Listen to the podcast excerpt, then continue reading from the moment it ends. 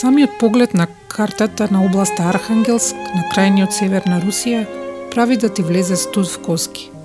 Главниот град со истото име бил значено пристаниште и трговски центар, но и почетна точка за бројни експедиции за истражување на северот. Баренцовото море, Арктичкиот океан и Северниот пол. Од тука ќе започнеме една нова експедиција, овој пат кон југ.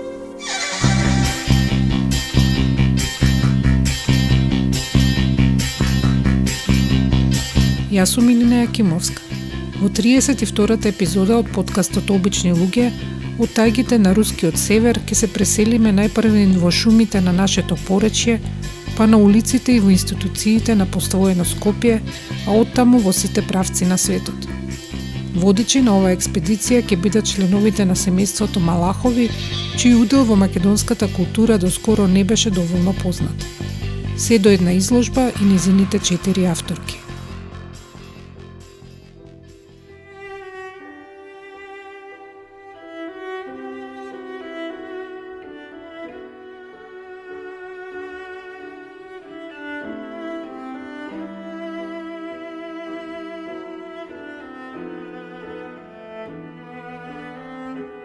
Повеќето приказни визуелно може да се прикажат како одсечка со јасна појдовна точка, линеарно траење и крај. Некои повеќе личат на концентрични кругови, каде еден настан потикнува втор, па трет, па четврт. Приказната за семејството Малахови повеќе подсетува на сликарството на руската авангарда, може би на еден Малевич или на Кандински. Разиграните форми како да ги ништат геометриските конвенции, боите се прелеваат, а сликата понекогаш има таква длабочина што различните облици согледани заедно формираат тродимензионален холограм. Како да се раскаже една ваква животна сторија без да се направи неправда кон низината повеќе слојност? Ке се обидеме онака како што тоа го сторија Лина Жила, Јасмина Дамјановска, Љубица Велкова и Јасминка Намичева. Тие се авторки на изложбата под наслов Македонската робинзонијада на семејството бегалци Малахови, која се отвори на 19 октомври 2023 година во Музеот на град Скопје. Пред да присуствуваме на низиното отворање, имавме слушнато само за името на Марија Малахова, авторка на еден илустриран албум на македонски народни носии, кој звучеше како да е руско. Не знаевме ниту како се нашла во Македонија, ниту пак каде заминала од тука. И самите авторки на изложбата на почетокот не знаеле многу повеќе. Она што сепак можеле да го предпостават се причините зошто е тоа така. Кога ние почнавме нашата изложба, ние мисливме дека имаме работа со руската емигрантка, бидејќи беше периодот на граѓанската војна во Русија после 1917 година и дел на а, русите избегали од својата држава. Количината на бегалци беше огромна, целата Европа и целиот свет, можем да кажем, беше преплавен со руските бегалци, но кои што оставиле, например, овде во Македонија, огромна трага. Вие се шетате низ градот, која знае арапската куќа? Да, а и тоа кој изградил? Руски емигрант Иван Артемушкин. Таа е основната зграда која што гледате реклама пивара на площадот. Рубинова, ова е палата, та да, да, Ристовиче палата. Русинот ја изградил. Значи, кога ќе погледнете целиот центр, кај паркот, нали, знаете таа прекрасна зграда, пак Ван Артемушкин ја изградил. Значи, кога они дошли овде, се нашли дека нема подготвени кадри. Нема кој да гради, нема кој технички да рачуна, нема кој да гради патишта, нема кој да предава дури во гимназија. И прво кој, која сила ја искористили, ги искористили руските емигранци и фактички меѓу двете светски војни, кога ќе земете секој град од Македонија, Куманово, центр на Куманово, изграден исто од руски архитект Антонов. А, значи, во секој сегмент од општество, они остават својата трага. Но зошто вие не знаете за тие руски имигранти? Бидејќи беше Коминформ бюро, прогонување, значи они прв пат бегале од својата држава заради војната, втор пат избегале бидејќи ги истерале од овде и со ластикот избришале спомен за нив дека таквите луѓе постоеле.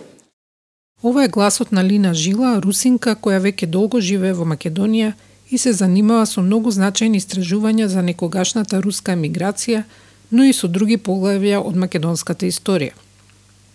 Во склоп на изложбата таа одржа предавање за студентите по етнологија и антропологија, чија снимка ја користиме тука. Ако според незините зборови Марија Малахова не била под наводници обичен руски имигрант, тога што била? Клучно за расветлување на незиното потекло излегло интервјуто на незиниот сопруг, имитувано од рускиот сервис на Радио Слободна Европа на 6 мај 2004 година. Во него, тогаш 99 годишниот Георги Малахов, само една година пред својата смрт, раскажува за својата сопруга Марија и открива дека незиното моминско презиме било Шпис. Ние почнуваме нашето истражување и не можеме никаде да најдеме. Ниту меѓу емиграција, ниту некој се сеќава, памци и така, и на крајот испаѓа дека таа не беше ниту русинка, ниту презимето и беше Малахова, се работи за руска германка, или поточно на германката, родена во многу две богати фамилии, кои што во сегашното прибројување на пари би били милиардери. Значи, тие држат најголемите фирми, најголемите компании во Русија, една фамилија Шпис, незинот татко, една фамилија Вогао, незината мајка. Капиталот е меѓународен. Нивните фирми са во Лондон, во Виена, во Париз, значи секаде ни светот. Она живее во раскошни услови, во две култури, истовремено руска култура, германска култура. Од мало ги учат да пишува на руски, на германски. Играт со руски играчките, играт со германските играчките. Се шетат ни светот како мали деца во, во Шведска, во Швейцарија и така натаму, бидејќи имат роднини. И наеднаш нивниот свет се руши. Во 1914 година почнува Првата светска војна и почнува прогонот. Сите германци во Русија ги запалуваат нивните емоции, им одзимат а, им, а, сите нивните средства, а нив ги интернират 900 километри од кај Москва во страшни краишта, каде е ладно, каде е гладно, сите германци бидејќи демек непријатели на рускиот народ. И она Марија со своите два браќа, со својата мајка, со својот татко, отпатува како интернирана и одлучи да се води дневник. И тоа што сакам да ви кажам, колку е битно во себе да имате нешто што ќе води понатаму вашиот живот. Она е како 14 годишната девојче, кој што веќе од Русија ја истеруваат во Германија, се запишува во дневникот. Се што сакам од овој живот, тоа природа, слобода и уметноста. Се друго за мене нема значење. Она доаѓа во Германија, ги причекуваат со оркестр, им дават одма германско државјанство, бидејќи они са потиснати германци од Русија. Но Марија се останува со тагата по Русија. Она цело време копнее по тоа детството, идеално детство, што она поминала во Русија и ја идеализира руската култура. Она е во Германија, родителите гледат колку она сака природа, ја запишуваат во најбогатата, една од најбогатите школи, приватни школи, школа во Хаубинда. Таа до сега постои школа интернат во Хаубинда, кој што создава германскиот реформатор доктор Лиц Доктор Лиц кажува дека најважното а, во обштество, ако ние сакаме да постигнеме убаво обштество, тоа не се политички реформи. Тоа е воспитувањето на нашата душа. А нашата душа можеме да ја воспитаме по пат на радост и среќа. А радост и среќа, тоа е нашиот труд.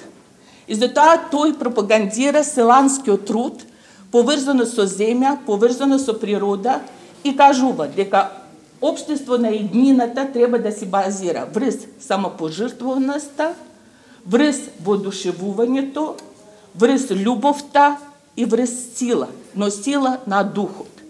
И ги воспитува децата во таа насока, дека не се битно кој си, а битно што правиш. Битно дали вложуваш дел од својата душа во тоа што правиш. И таква излегува Марија од оваа школа. Марија или Мисија, прекаро детството која продолжила да го користи како уметничко име и покрај сите премрежа низ кои поминува низиното семејство, продолжува да го учи она што најмногу го сака – уметноста. Тоа го прави и во Минхен, и во познатата Дрезденска академија за ликовни уметности, и во Париз.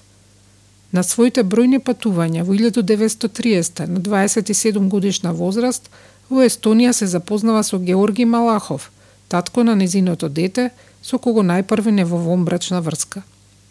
Тоа може би и би останало така доколку не се случил еден значаен историски настан. Еве извадок од незината автобиографија. Во 1939 година, кога почна војната Германија-Полска, сите германци од Балтичките земји почнаа да ги праќаат во Германија. Јас, Плашејќи се дека ќе дојде ред и на мене и синот, стапив во контакт со таткото на детето и замина во Југославија. Таму го регистрирав бракот со инженер Георгиј Малахов. На тој начин се ослободив од германскиот пасош и доброволно ја прифатив безправната положба на руската емиграција. Местото на кое таа му се придружила на својот сопруг и го понудила точно она што го сакала мир, едноставен живот и можност да се занимава со својата уметност, фотографијата и сликарството. Порече и Македонија во таа 1939 година била се уште далеку од европските војни премрежи. Георги Малахов тука дошол следејќи го татка си Александар и чичкото Роман. Александар, додека студирал на Московскиот универзитет, дошол во допир со теориите на социјалистот Роберт Овен – и станал приврзаник на идејата за самоодржлив живот во кооперативни задруги. Таткото две години студирал во Московскиот универзитет, заради политичките протести го исклучуват, тој се одбира да отиде во Англија да проучува за другарството. А, доаѓа после се враќа кај себе на Северна Русија, тоа е Архангелск, таму многу ладно, одма да ви кажам, и нема ништо освен шумите. И сите живеат од шумите. И тој предлага, создава првите задругарства на Северна Русија. Потоа во емиграцијата после граѓанска војна се обидува за задругарство во така наречена Закарпатска Русија.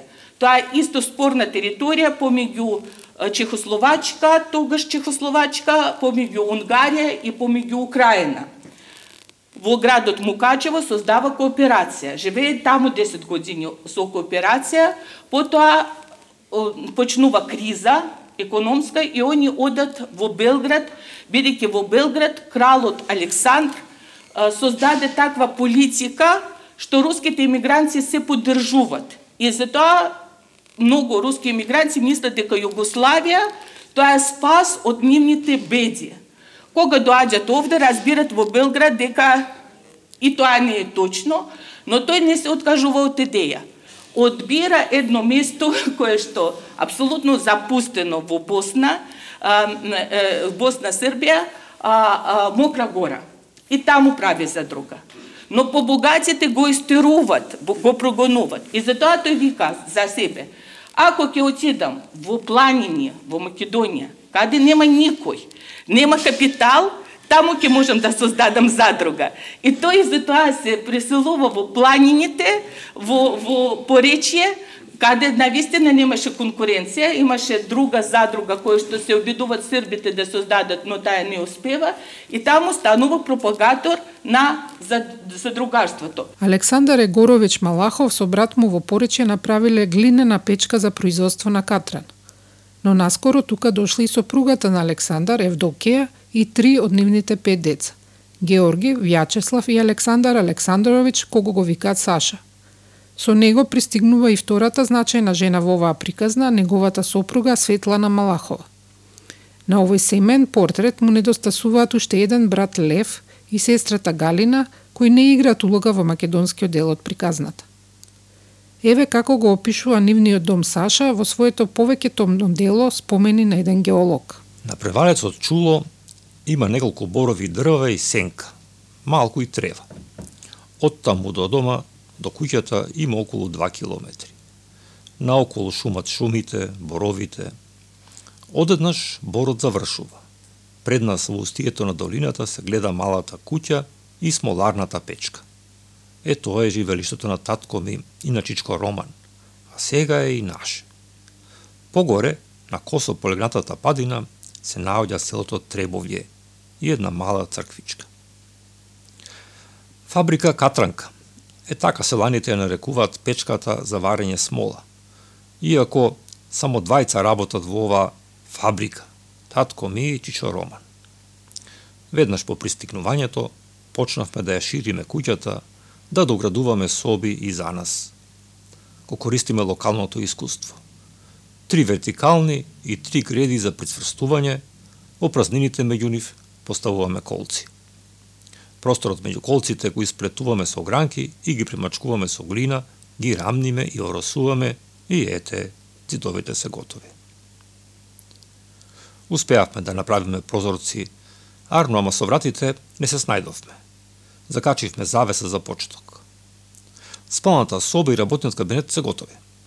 На масата ги запишувам моите геолошки набљудувања. Во блиското село Борова Брезница, Георги Малахов отвара уште една поднаводници фабрика за терпентин и неговите деривати. Селаните го поздравуваат ваквото ширење на дејноста, бидејќи им одговара некој да ги откупува нивните дрва. Но категорично одбива да организираат работни задруги, нешто што подоцна им го наметне новата социјалистичка власт. На фотографиите од овој период семејниот живот на Малахови делува идилично. Се сервира чај од огромен руски самовар, се берат печорки и рујници, се ловат риби во реката Треска.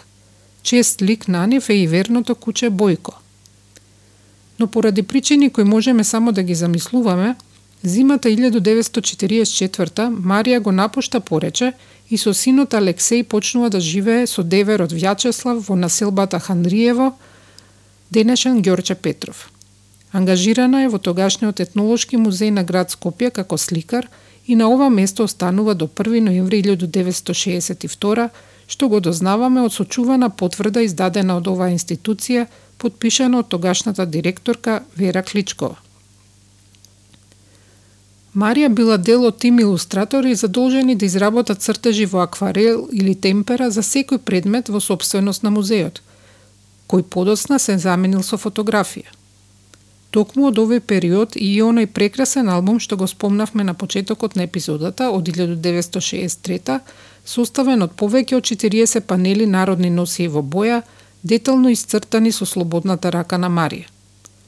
Долго време заборавели или намерно игнорирани, Тие беа првпат изложени на изложба во музеот на град Скопје во 1991 година. Ништо подобро не поминале и незините дела во Русија. Беале заборавени незините слики, дори сакале да ги фрлат од музеот, а, бидејќи не, не догледувале нивната ценност кога се појавиле фотографија во боја, да, бидејќи зошто да пресликуваат кога имаш фотографија во боја и, а, и ги правеле. За Марија така, сите заборавиле заднизи, и русите, и германците, и, и македонците, а, но чекор по чекор незиното дело како по чудо излегувала. Еве Гесминка Намичева ги пронашла, направила изложбата и а, од таму она е поцртала дека не само Марија Малахова, но уште имаше една русинка Олга Бенсон што документирала тие костюми и предмети. Но има уште нешто, а, а, а, во Русија, например, она продала своите фотографии, бидејќи она беше не само истакнат сликар, но стана истакнат фотограф, етнолошки фотограф. Она правеше етнолошките слики. Незини етнолошките слики за руските предели, Печора, тоа на север на Русија, меѓу Естонија и Русија, биле заборавени и наеднаш ги откриват случајно, апсолутно, 96 слики само 2017 година. Така со Марија се случува се, чекор по чекор откривање и мислам дека она би се радувала дека вие дошле и ќе видите тоа што она оставила после себе и незините слики едни и незините слики други, другите слики од таму се е посочено кој е од музеј на Македонија, кој е што од музеј на или и тие што останали кај незината внука во Америка, бидејќи ја канеле да живеат во Америка, таму живеела незина мајка, незиниот брат, но она се откажала, она одбрала својот пат, тој што едноставен, тој што за незе одговараше, патот на својот творештво, тоа што она ја го сакаше. Во еден момент, следејќи го тој пат, Марија одлучува да не го прифати југословенското државјанство и да замине за Советскиот сојуз, поточно за Естонија. Вака ја образложува својата одлука во автобиографијата. Ми здодеа цел живот да бидам бесправен странец, да немам свој дом и услови за живот и работа како сликар.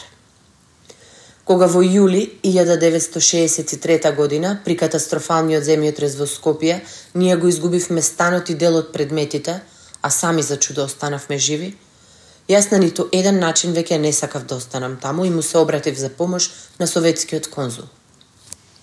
Ми беше доделена парична помош, а освен тоа конзулот од свое име ми ја обезбеди визата за Советскиот сојуз. Бидејќи пријателите кои веднаш се согласија да ме прифатат во прво време, а живеа во Талин, јас дојдов тука.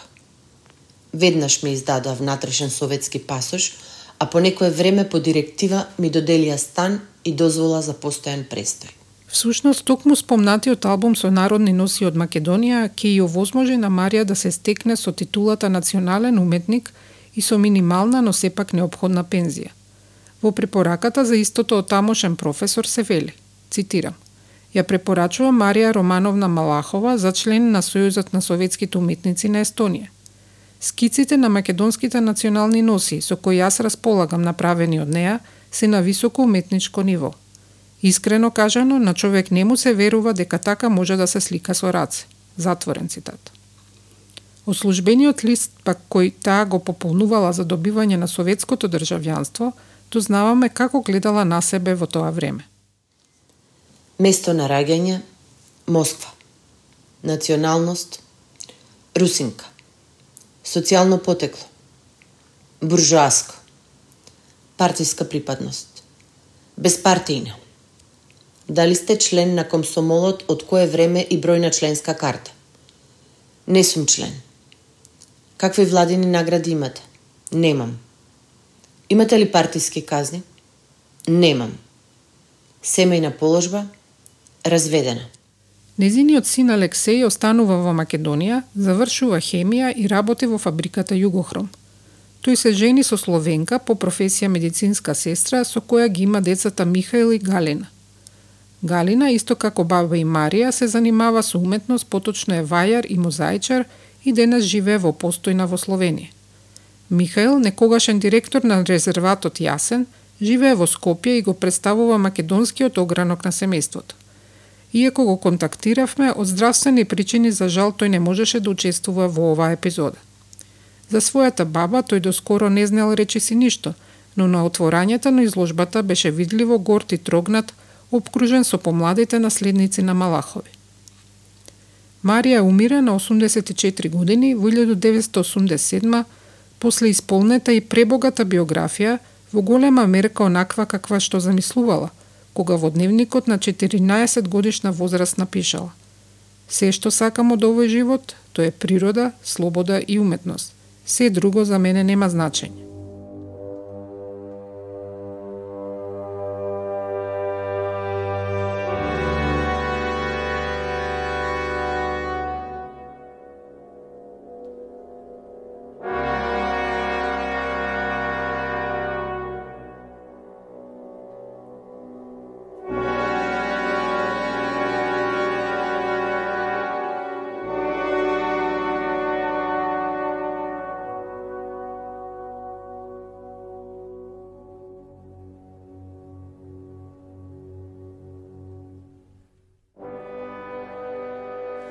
За секој од членовите на семејството Малахови би можело да се направи посебна епизода. за изумителот, за другарот и партизанот Георги, за трудбеникот, механичар и партизан Вјачеслав, за Александар, инженерот геолог кој ќе стане референт за рударство при Јасном, основач на Геолошкиот институт на Македонија и еден од првите четворица предавачи на катедрата по географија со етнологија во рамки на филозофскиот факултет. Но во оваа епизода се фокусираме на снаите во семејството Малахови, спомнатата Марија и незината јатрва 8 години помладата Светлана. Светлана Сергеевна Малахова е основоположник на куклената сцена во Македонија. Доаѓа во Македонија во 1935 година заедно со својот сопруг Александар Александрович Малахов, кој е геолог, а во тој период тука во, во на оваа територија од Македонија, тогаш на Вардарска Македонија, веќе се пристигнати неговиот татко, мајка и чичко. За Светлана Малахова во нашите извори, во нашата документација со која што располагаат нашите институции, речи си да нема ништо, многу малку освен незиното име, кое што се повторува во, на секој 10 години во монографиите на Драмскиот театар и во во една мала книга посветена на кукларството во Македонија и во светот, на познатиот театролог Иван Ивановски, каде што тој по повод настаното премиерата на Силијан Штркот, ја изразува жалење за тоа што за оваа уметница не е дадено, на оваа уметница не е дадено должното внимание. И во вториот извор, Тоа е во серијалот од е, Историја на македонскиот театар на познатиот театролог Кристо Стефановски, во делот на на театарот од времето на партизанскиот период до младинско-детскиот, каде што исто така ја најавува, ги, ги најавува куклените, појавата на куклената секција при МНТ и ја ја спомнува Светлана Малахова како основоположник на куклената сцена во Македонија. Други други кажувања, други записи за незе нема. Ова е Љубица Велкова, историчарка на уметност, веќе 30 години вработена во оделот за костимографија во театарот за деца и младенци во Скопје, каде и го снимивме разговорот. Од незините истражувања всушност почнало се. Подготвувајќи издание за деца под наслов Светот на кукларството, за историјата на оваа уметност из годините, таа наишла на името на Светлана Малахова. Се обратила до градскиот и до државниот архив, каде ја упатиле до Лина Жила, нашата предходна соговорничка, која на почетокот тврдела дека станува збор за грешка и дека Светлана е всушност ликарката Марија. За неа немало податоци ни во досиета на ДБК за руските емигранти. Потрагата изгледала безнадежна, се до моментот кога Љубица на интернет не најшла на плакат за представата Храбриот Цане, една од пете кои таа ќе ги направи во текот на својот престој во Македонија од 1935 до 1949 година. Од тука нештата се развивале како во детективски филм. Но како Светлана воопшто дошла во допир со кукларството? Тие инаку се едноставно економски емигранти не се од тие така наречените бело, белогардејци. Тие што ја поддржуваат дело, тие се членови на царската војска и ја ја го поддржуваат царството, односно царот на на Русија. А, овие се чисто само економски мигранти. Доаѓаат предходно од, од Чекословачка, тогашна Чекословачка, каде што и двајцата се образуваат на, на, на во прво таму завршува Светлана во втората реална гимназија, а потоа завршува и високообразовна факултет за примената уметност, исто е тој руски универзитет. Светлана во Прага ќе има можност да дојде во допир со куклен театар. Во тој период во Прага екзистираат над 2000 фамилиарни, семени театри. Тоа се трупи. државни театри се појавуваат дури по Втората светска војна. Инаку предходно е сето тоа е особено е позната Чекословачка по тие семени театри. Интересно се каже историјата на кукларството во Чешка е многу ќе одигра, односно самото кукларство ќе одигра важна улога за за Чешка затоа што во тој период на Чешка во крајот на на 19 век и почетокот на 20-тиот им прети германизација. И од таа причина се појавуваат се појавуваат куклени театри кои што представите ги играат на чешки јазик и ги поставуваат германските дела на чешки јазик. Меѓутоа вметнуваат и еден познат лик, се вика Кашпарек, еден комичен лик кој што е традиционално во било какво дело да се игра, тој е тука е метнат како лик во била која представа, дали го игра Дон Жуан или не знам која друга сериозна представа, сериозен текст, ликот на Кашперек е присутен во нивните представи. И исклучиво на на на чешки јазик. Една од најпозна, еден од најпознатите е кукларот Капет, Копецки. Тој се негова, тој е неговиот фамилиарен театар е прв што ќе почне да ги игра куклените представи на чешки јазик. Токму тоа искуство во куклениот театар и значењето на куклениот театар Светлана ќе го пренесе тука во Македонија. Веднаш после отварањето 45 година се основа МНТ, веќе во 46 на 21 април е првата премиерна изведба на куклена представа односно Силјан Штркот, на сцената на Македонскиот народен театар. За раководител на таа секција, куклена секција, е назначена токму Светлана Малахова. За, за првата представа таа ќе ги изработи и куклите, ќе ги учи актерите како се анимираат куклите, ќе ја изготви и сценографијата. Воедно таа е режисер на првата представа. Петре Прличко, кој што ќе остане соработник до крајот, до незиното заниминување, е драматург на таа представа. Во следните уште четири представи кои што ќе ги постават заедно, тој тандем Прличко и Малахова, диригентската палка ја презема Прличко, Петре Прличко, а се останатото повторно куклите ги изработува Малахова, драматургијата во некој се појавува Петре Прличко, во една представа се појавува и како сценограф се појавува и познатиот сценограф и костемограф и карикатурист Василие Попович Сицо. На таа сцена, значи, ќе се во тие од 46 до 49 година, 1949 година до незиното заминување некаде пролета во 49-та ќе се постават пет представи. Значи првата е Силјан Штркот, потоа Шумска дружба, Црвенкапа, Златната рибка и Храбриот цане. Во 1946-та добриот живот на Александар и Светлана Малахови одеднаш добива друг тек. Александар е повреден во сомнителна сообраќајна несреќа, која најверојатно била обид за атентат.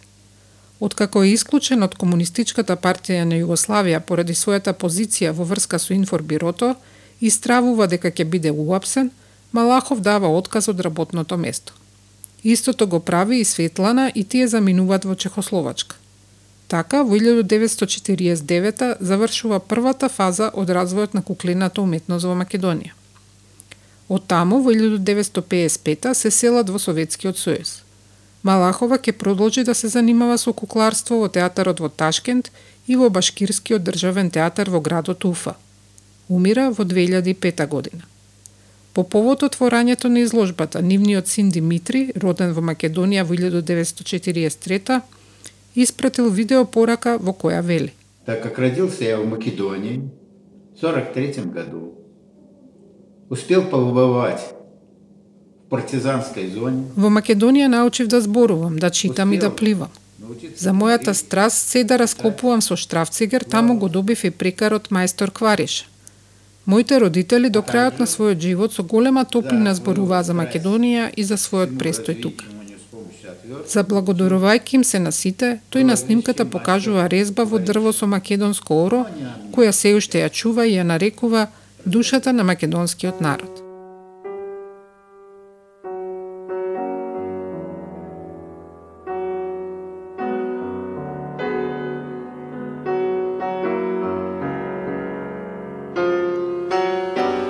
Од приказната за семејството Малахови се прави одличен филм кој би содржал се – историски превирања, авантури, љубов, неочекувани пресврти и мистериозни парчиња кои остануваат такви долго по завршувањето на филмот. Марија би можела да игра нашата Верица Недеска, која и го позајмува гласот во оваа епизода. Светлана не изгледа дека би лежела на една, на пример, Звезда Ангеловска. Веруваме дека тие одлично би ја доловиле и пошироката поента на тој замислен филм, дека, како што велат и авторките на изложбата, тешкотиите на едномачно време и на едни номадски души еднаш ќе исчезнат, но нивното добро дело ќе остане. Секогаш се поставува прашање, а зошто јас треба да се вложувам ако никој не е заинтересиран, ако тоа што ќе направиш пак ќе пропадне. И тоа создава чувство на пасивизираност, тоа се создава чувство зошто, зошто. А, еве зошто. Бидејќи ќе дојде денот кога вашето дело ќе исплие на повешената. Ќе дојде денот кога тоа што вие вложевте со вашето срце, со вашата душа, ќе придонесе за поубава иднина. Апсолутно така ќе биде и мора да биде. И како што ние дадовме насловот за нашата изложба – Тешкоците ќе поминат, ама благото дело, тоа знаеле стари римляни кои што измислили оваа пословица, ова, ова, овој израз, ама благо дело, добро дело што ќе оставите, ќе живее вечно.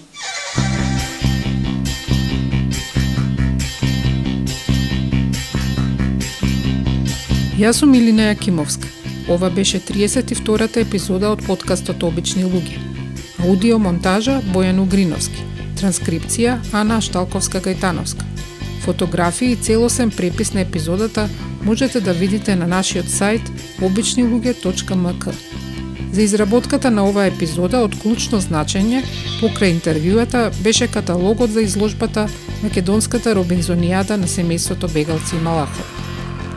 Огромна благодарност до Лина, Љубица, Јасмина и Јасминка за нивниот ентузијазам и непресушна трудолюбивост да се нурнат во тајните на историјата и да ги расветлат оние низини качиња кои намерно или ненамерно се покриени со сенки и слоеви прашина. Обичните необични луѓе Малахови го заслужуваат тоа.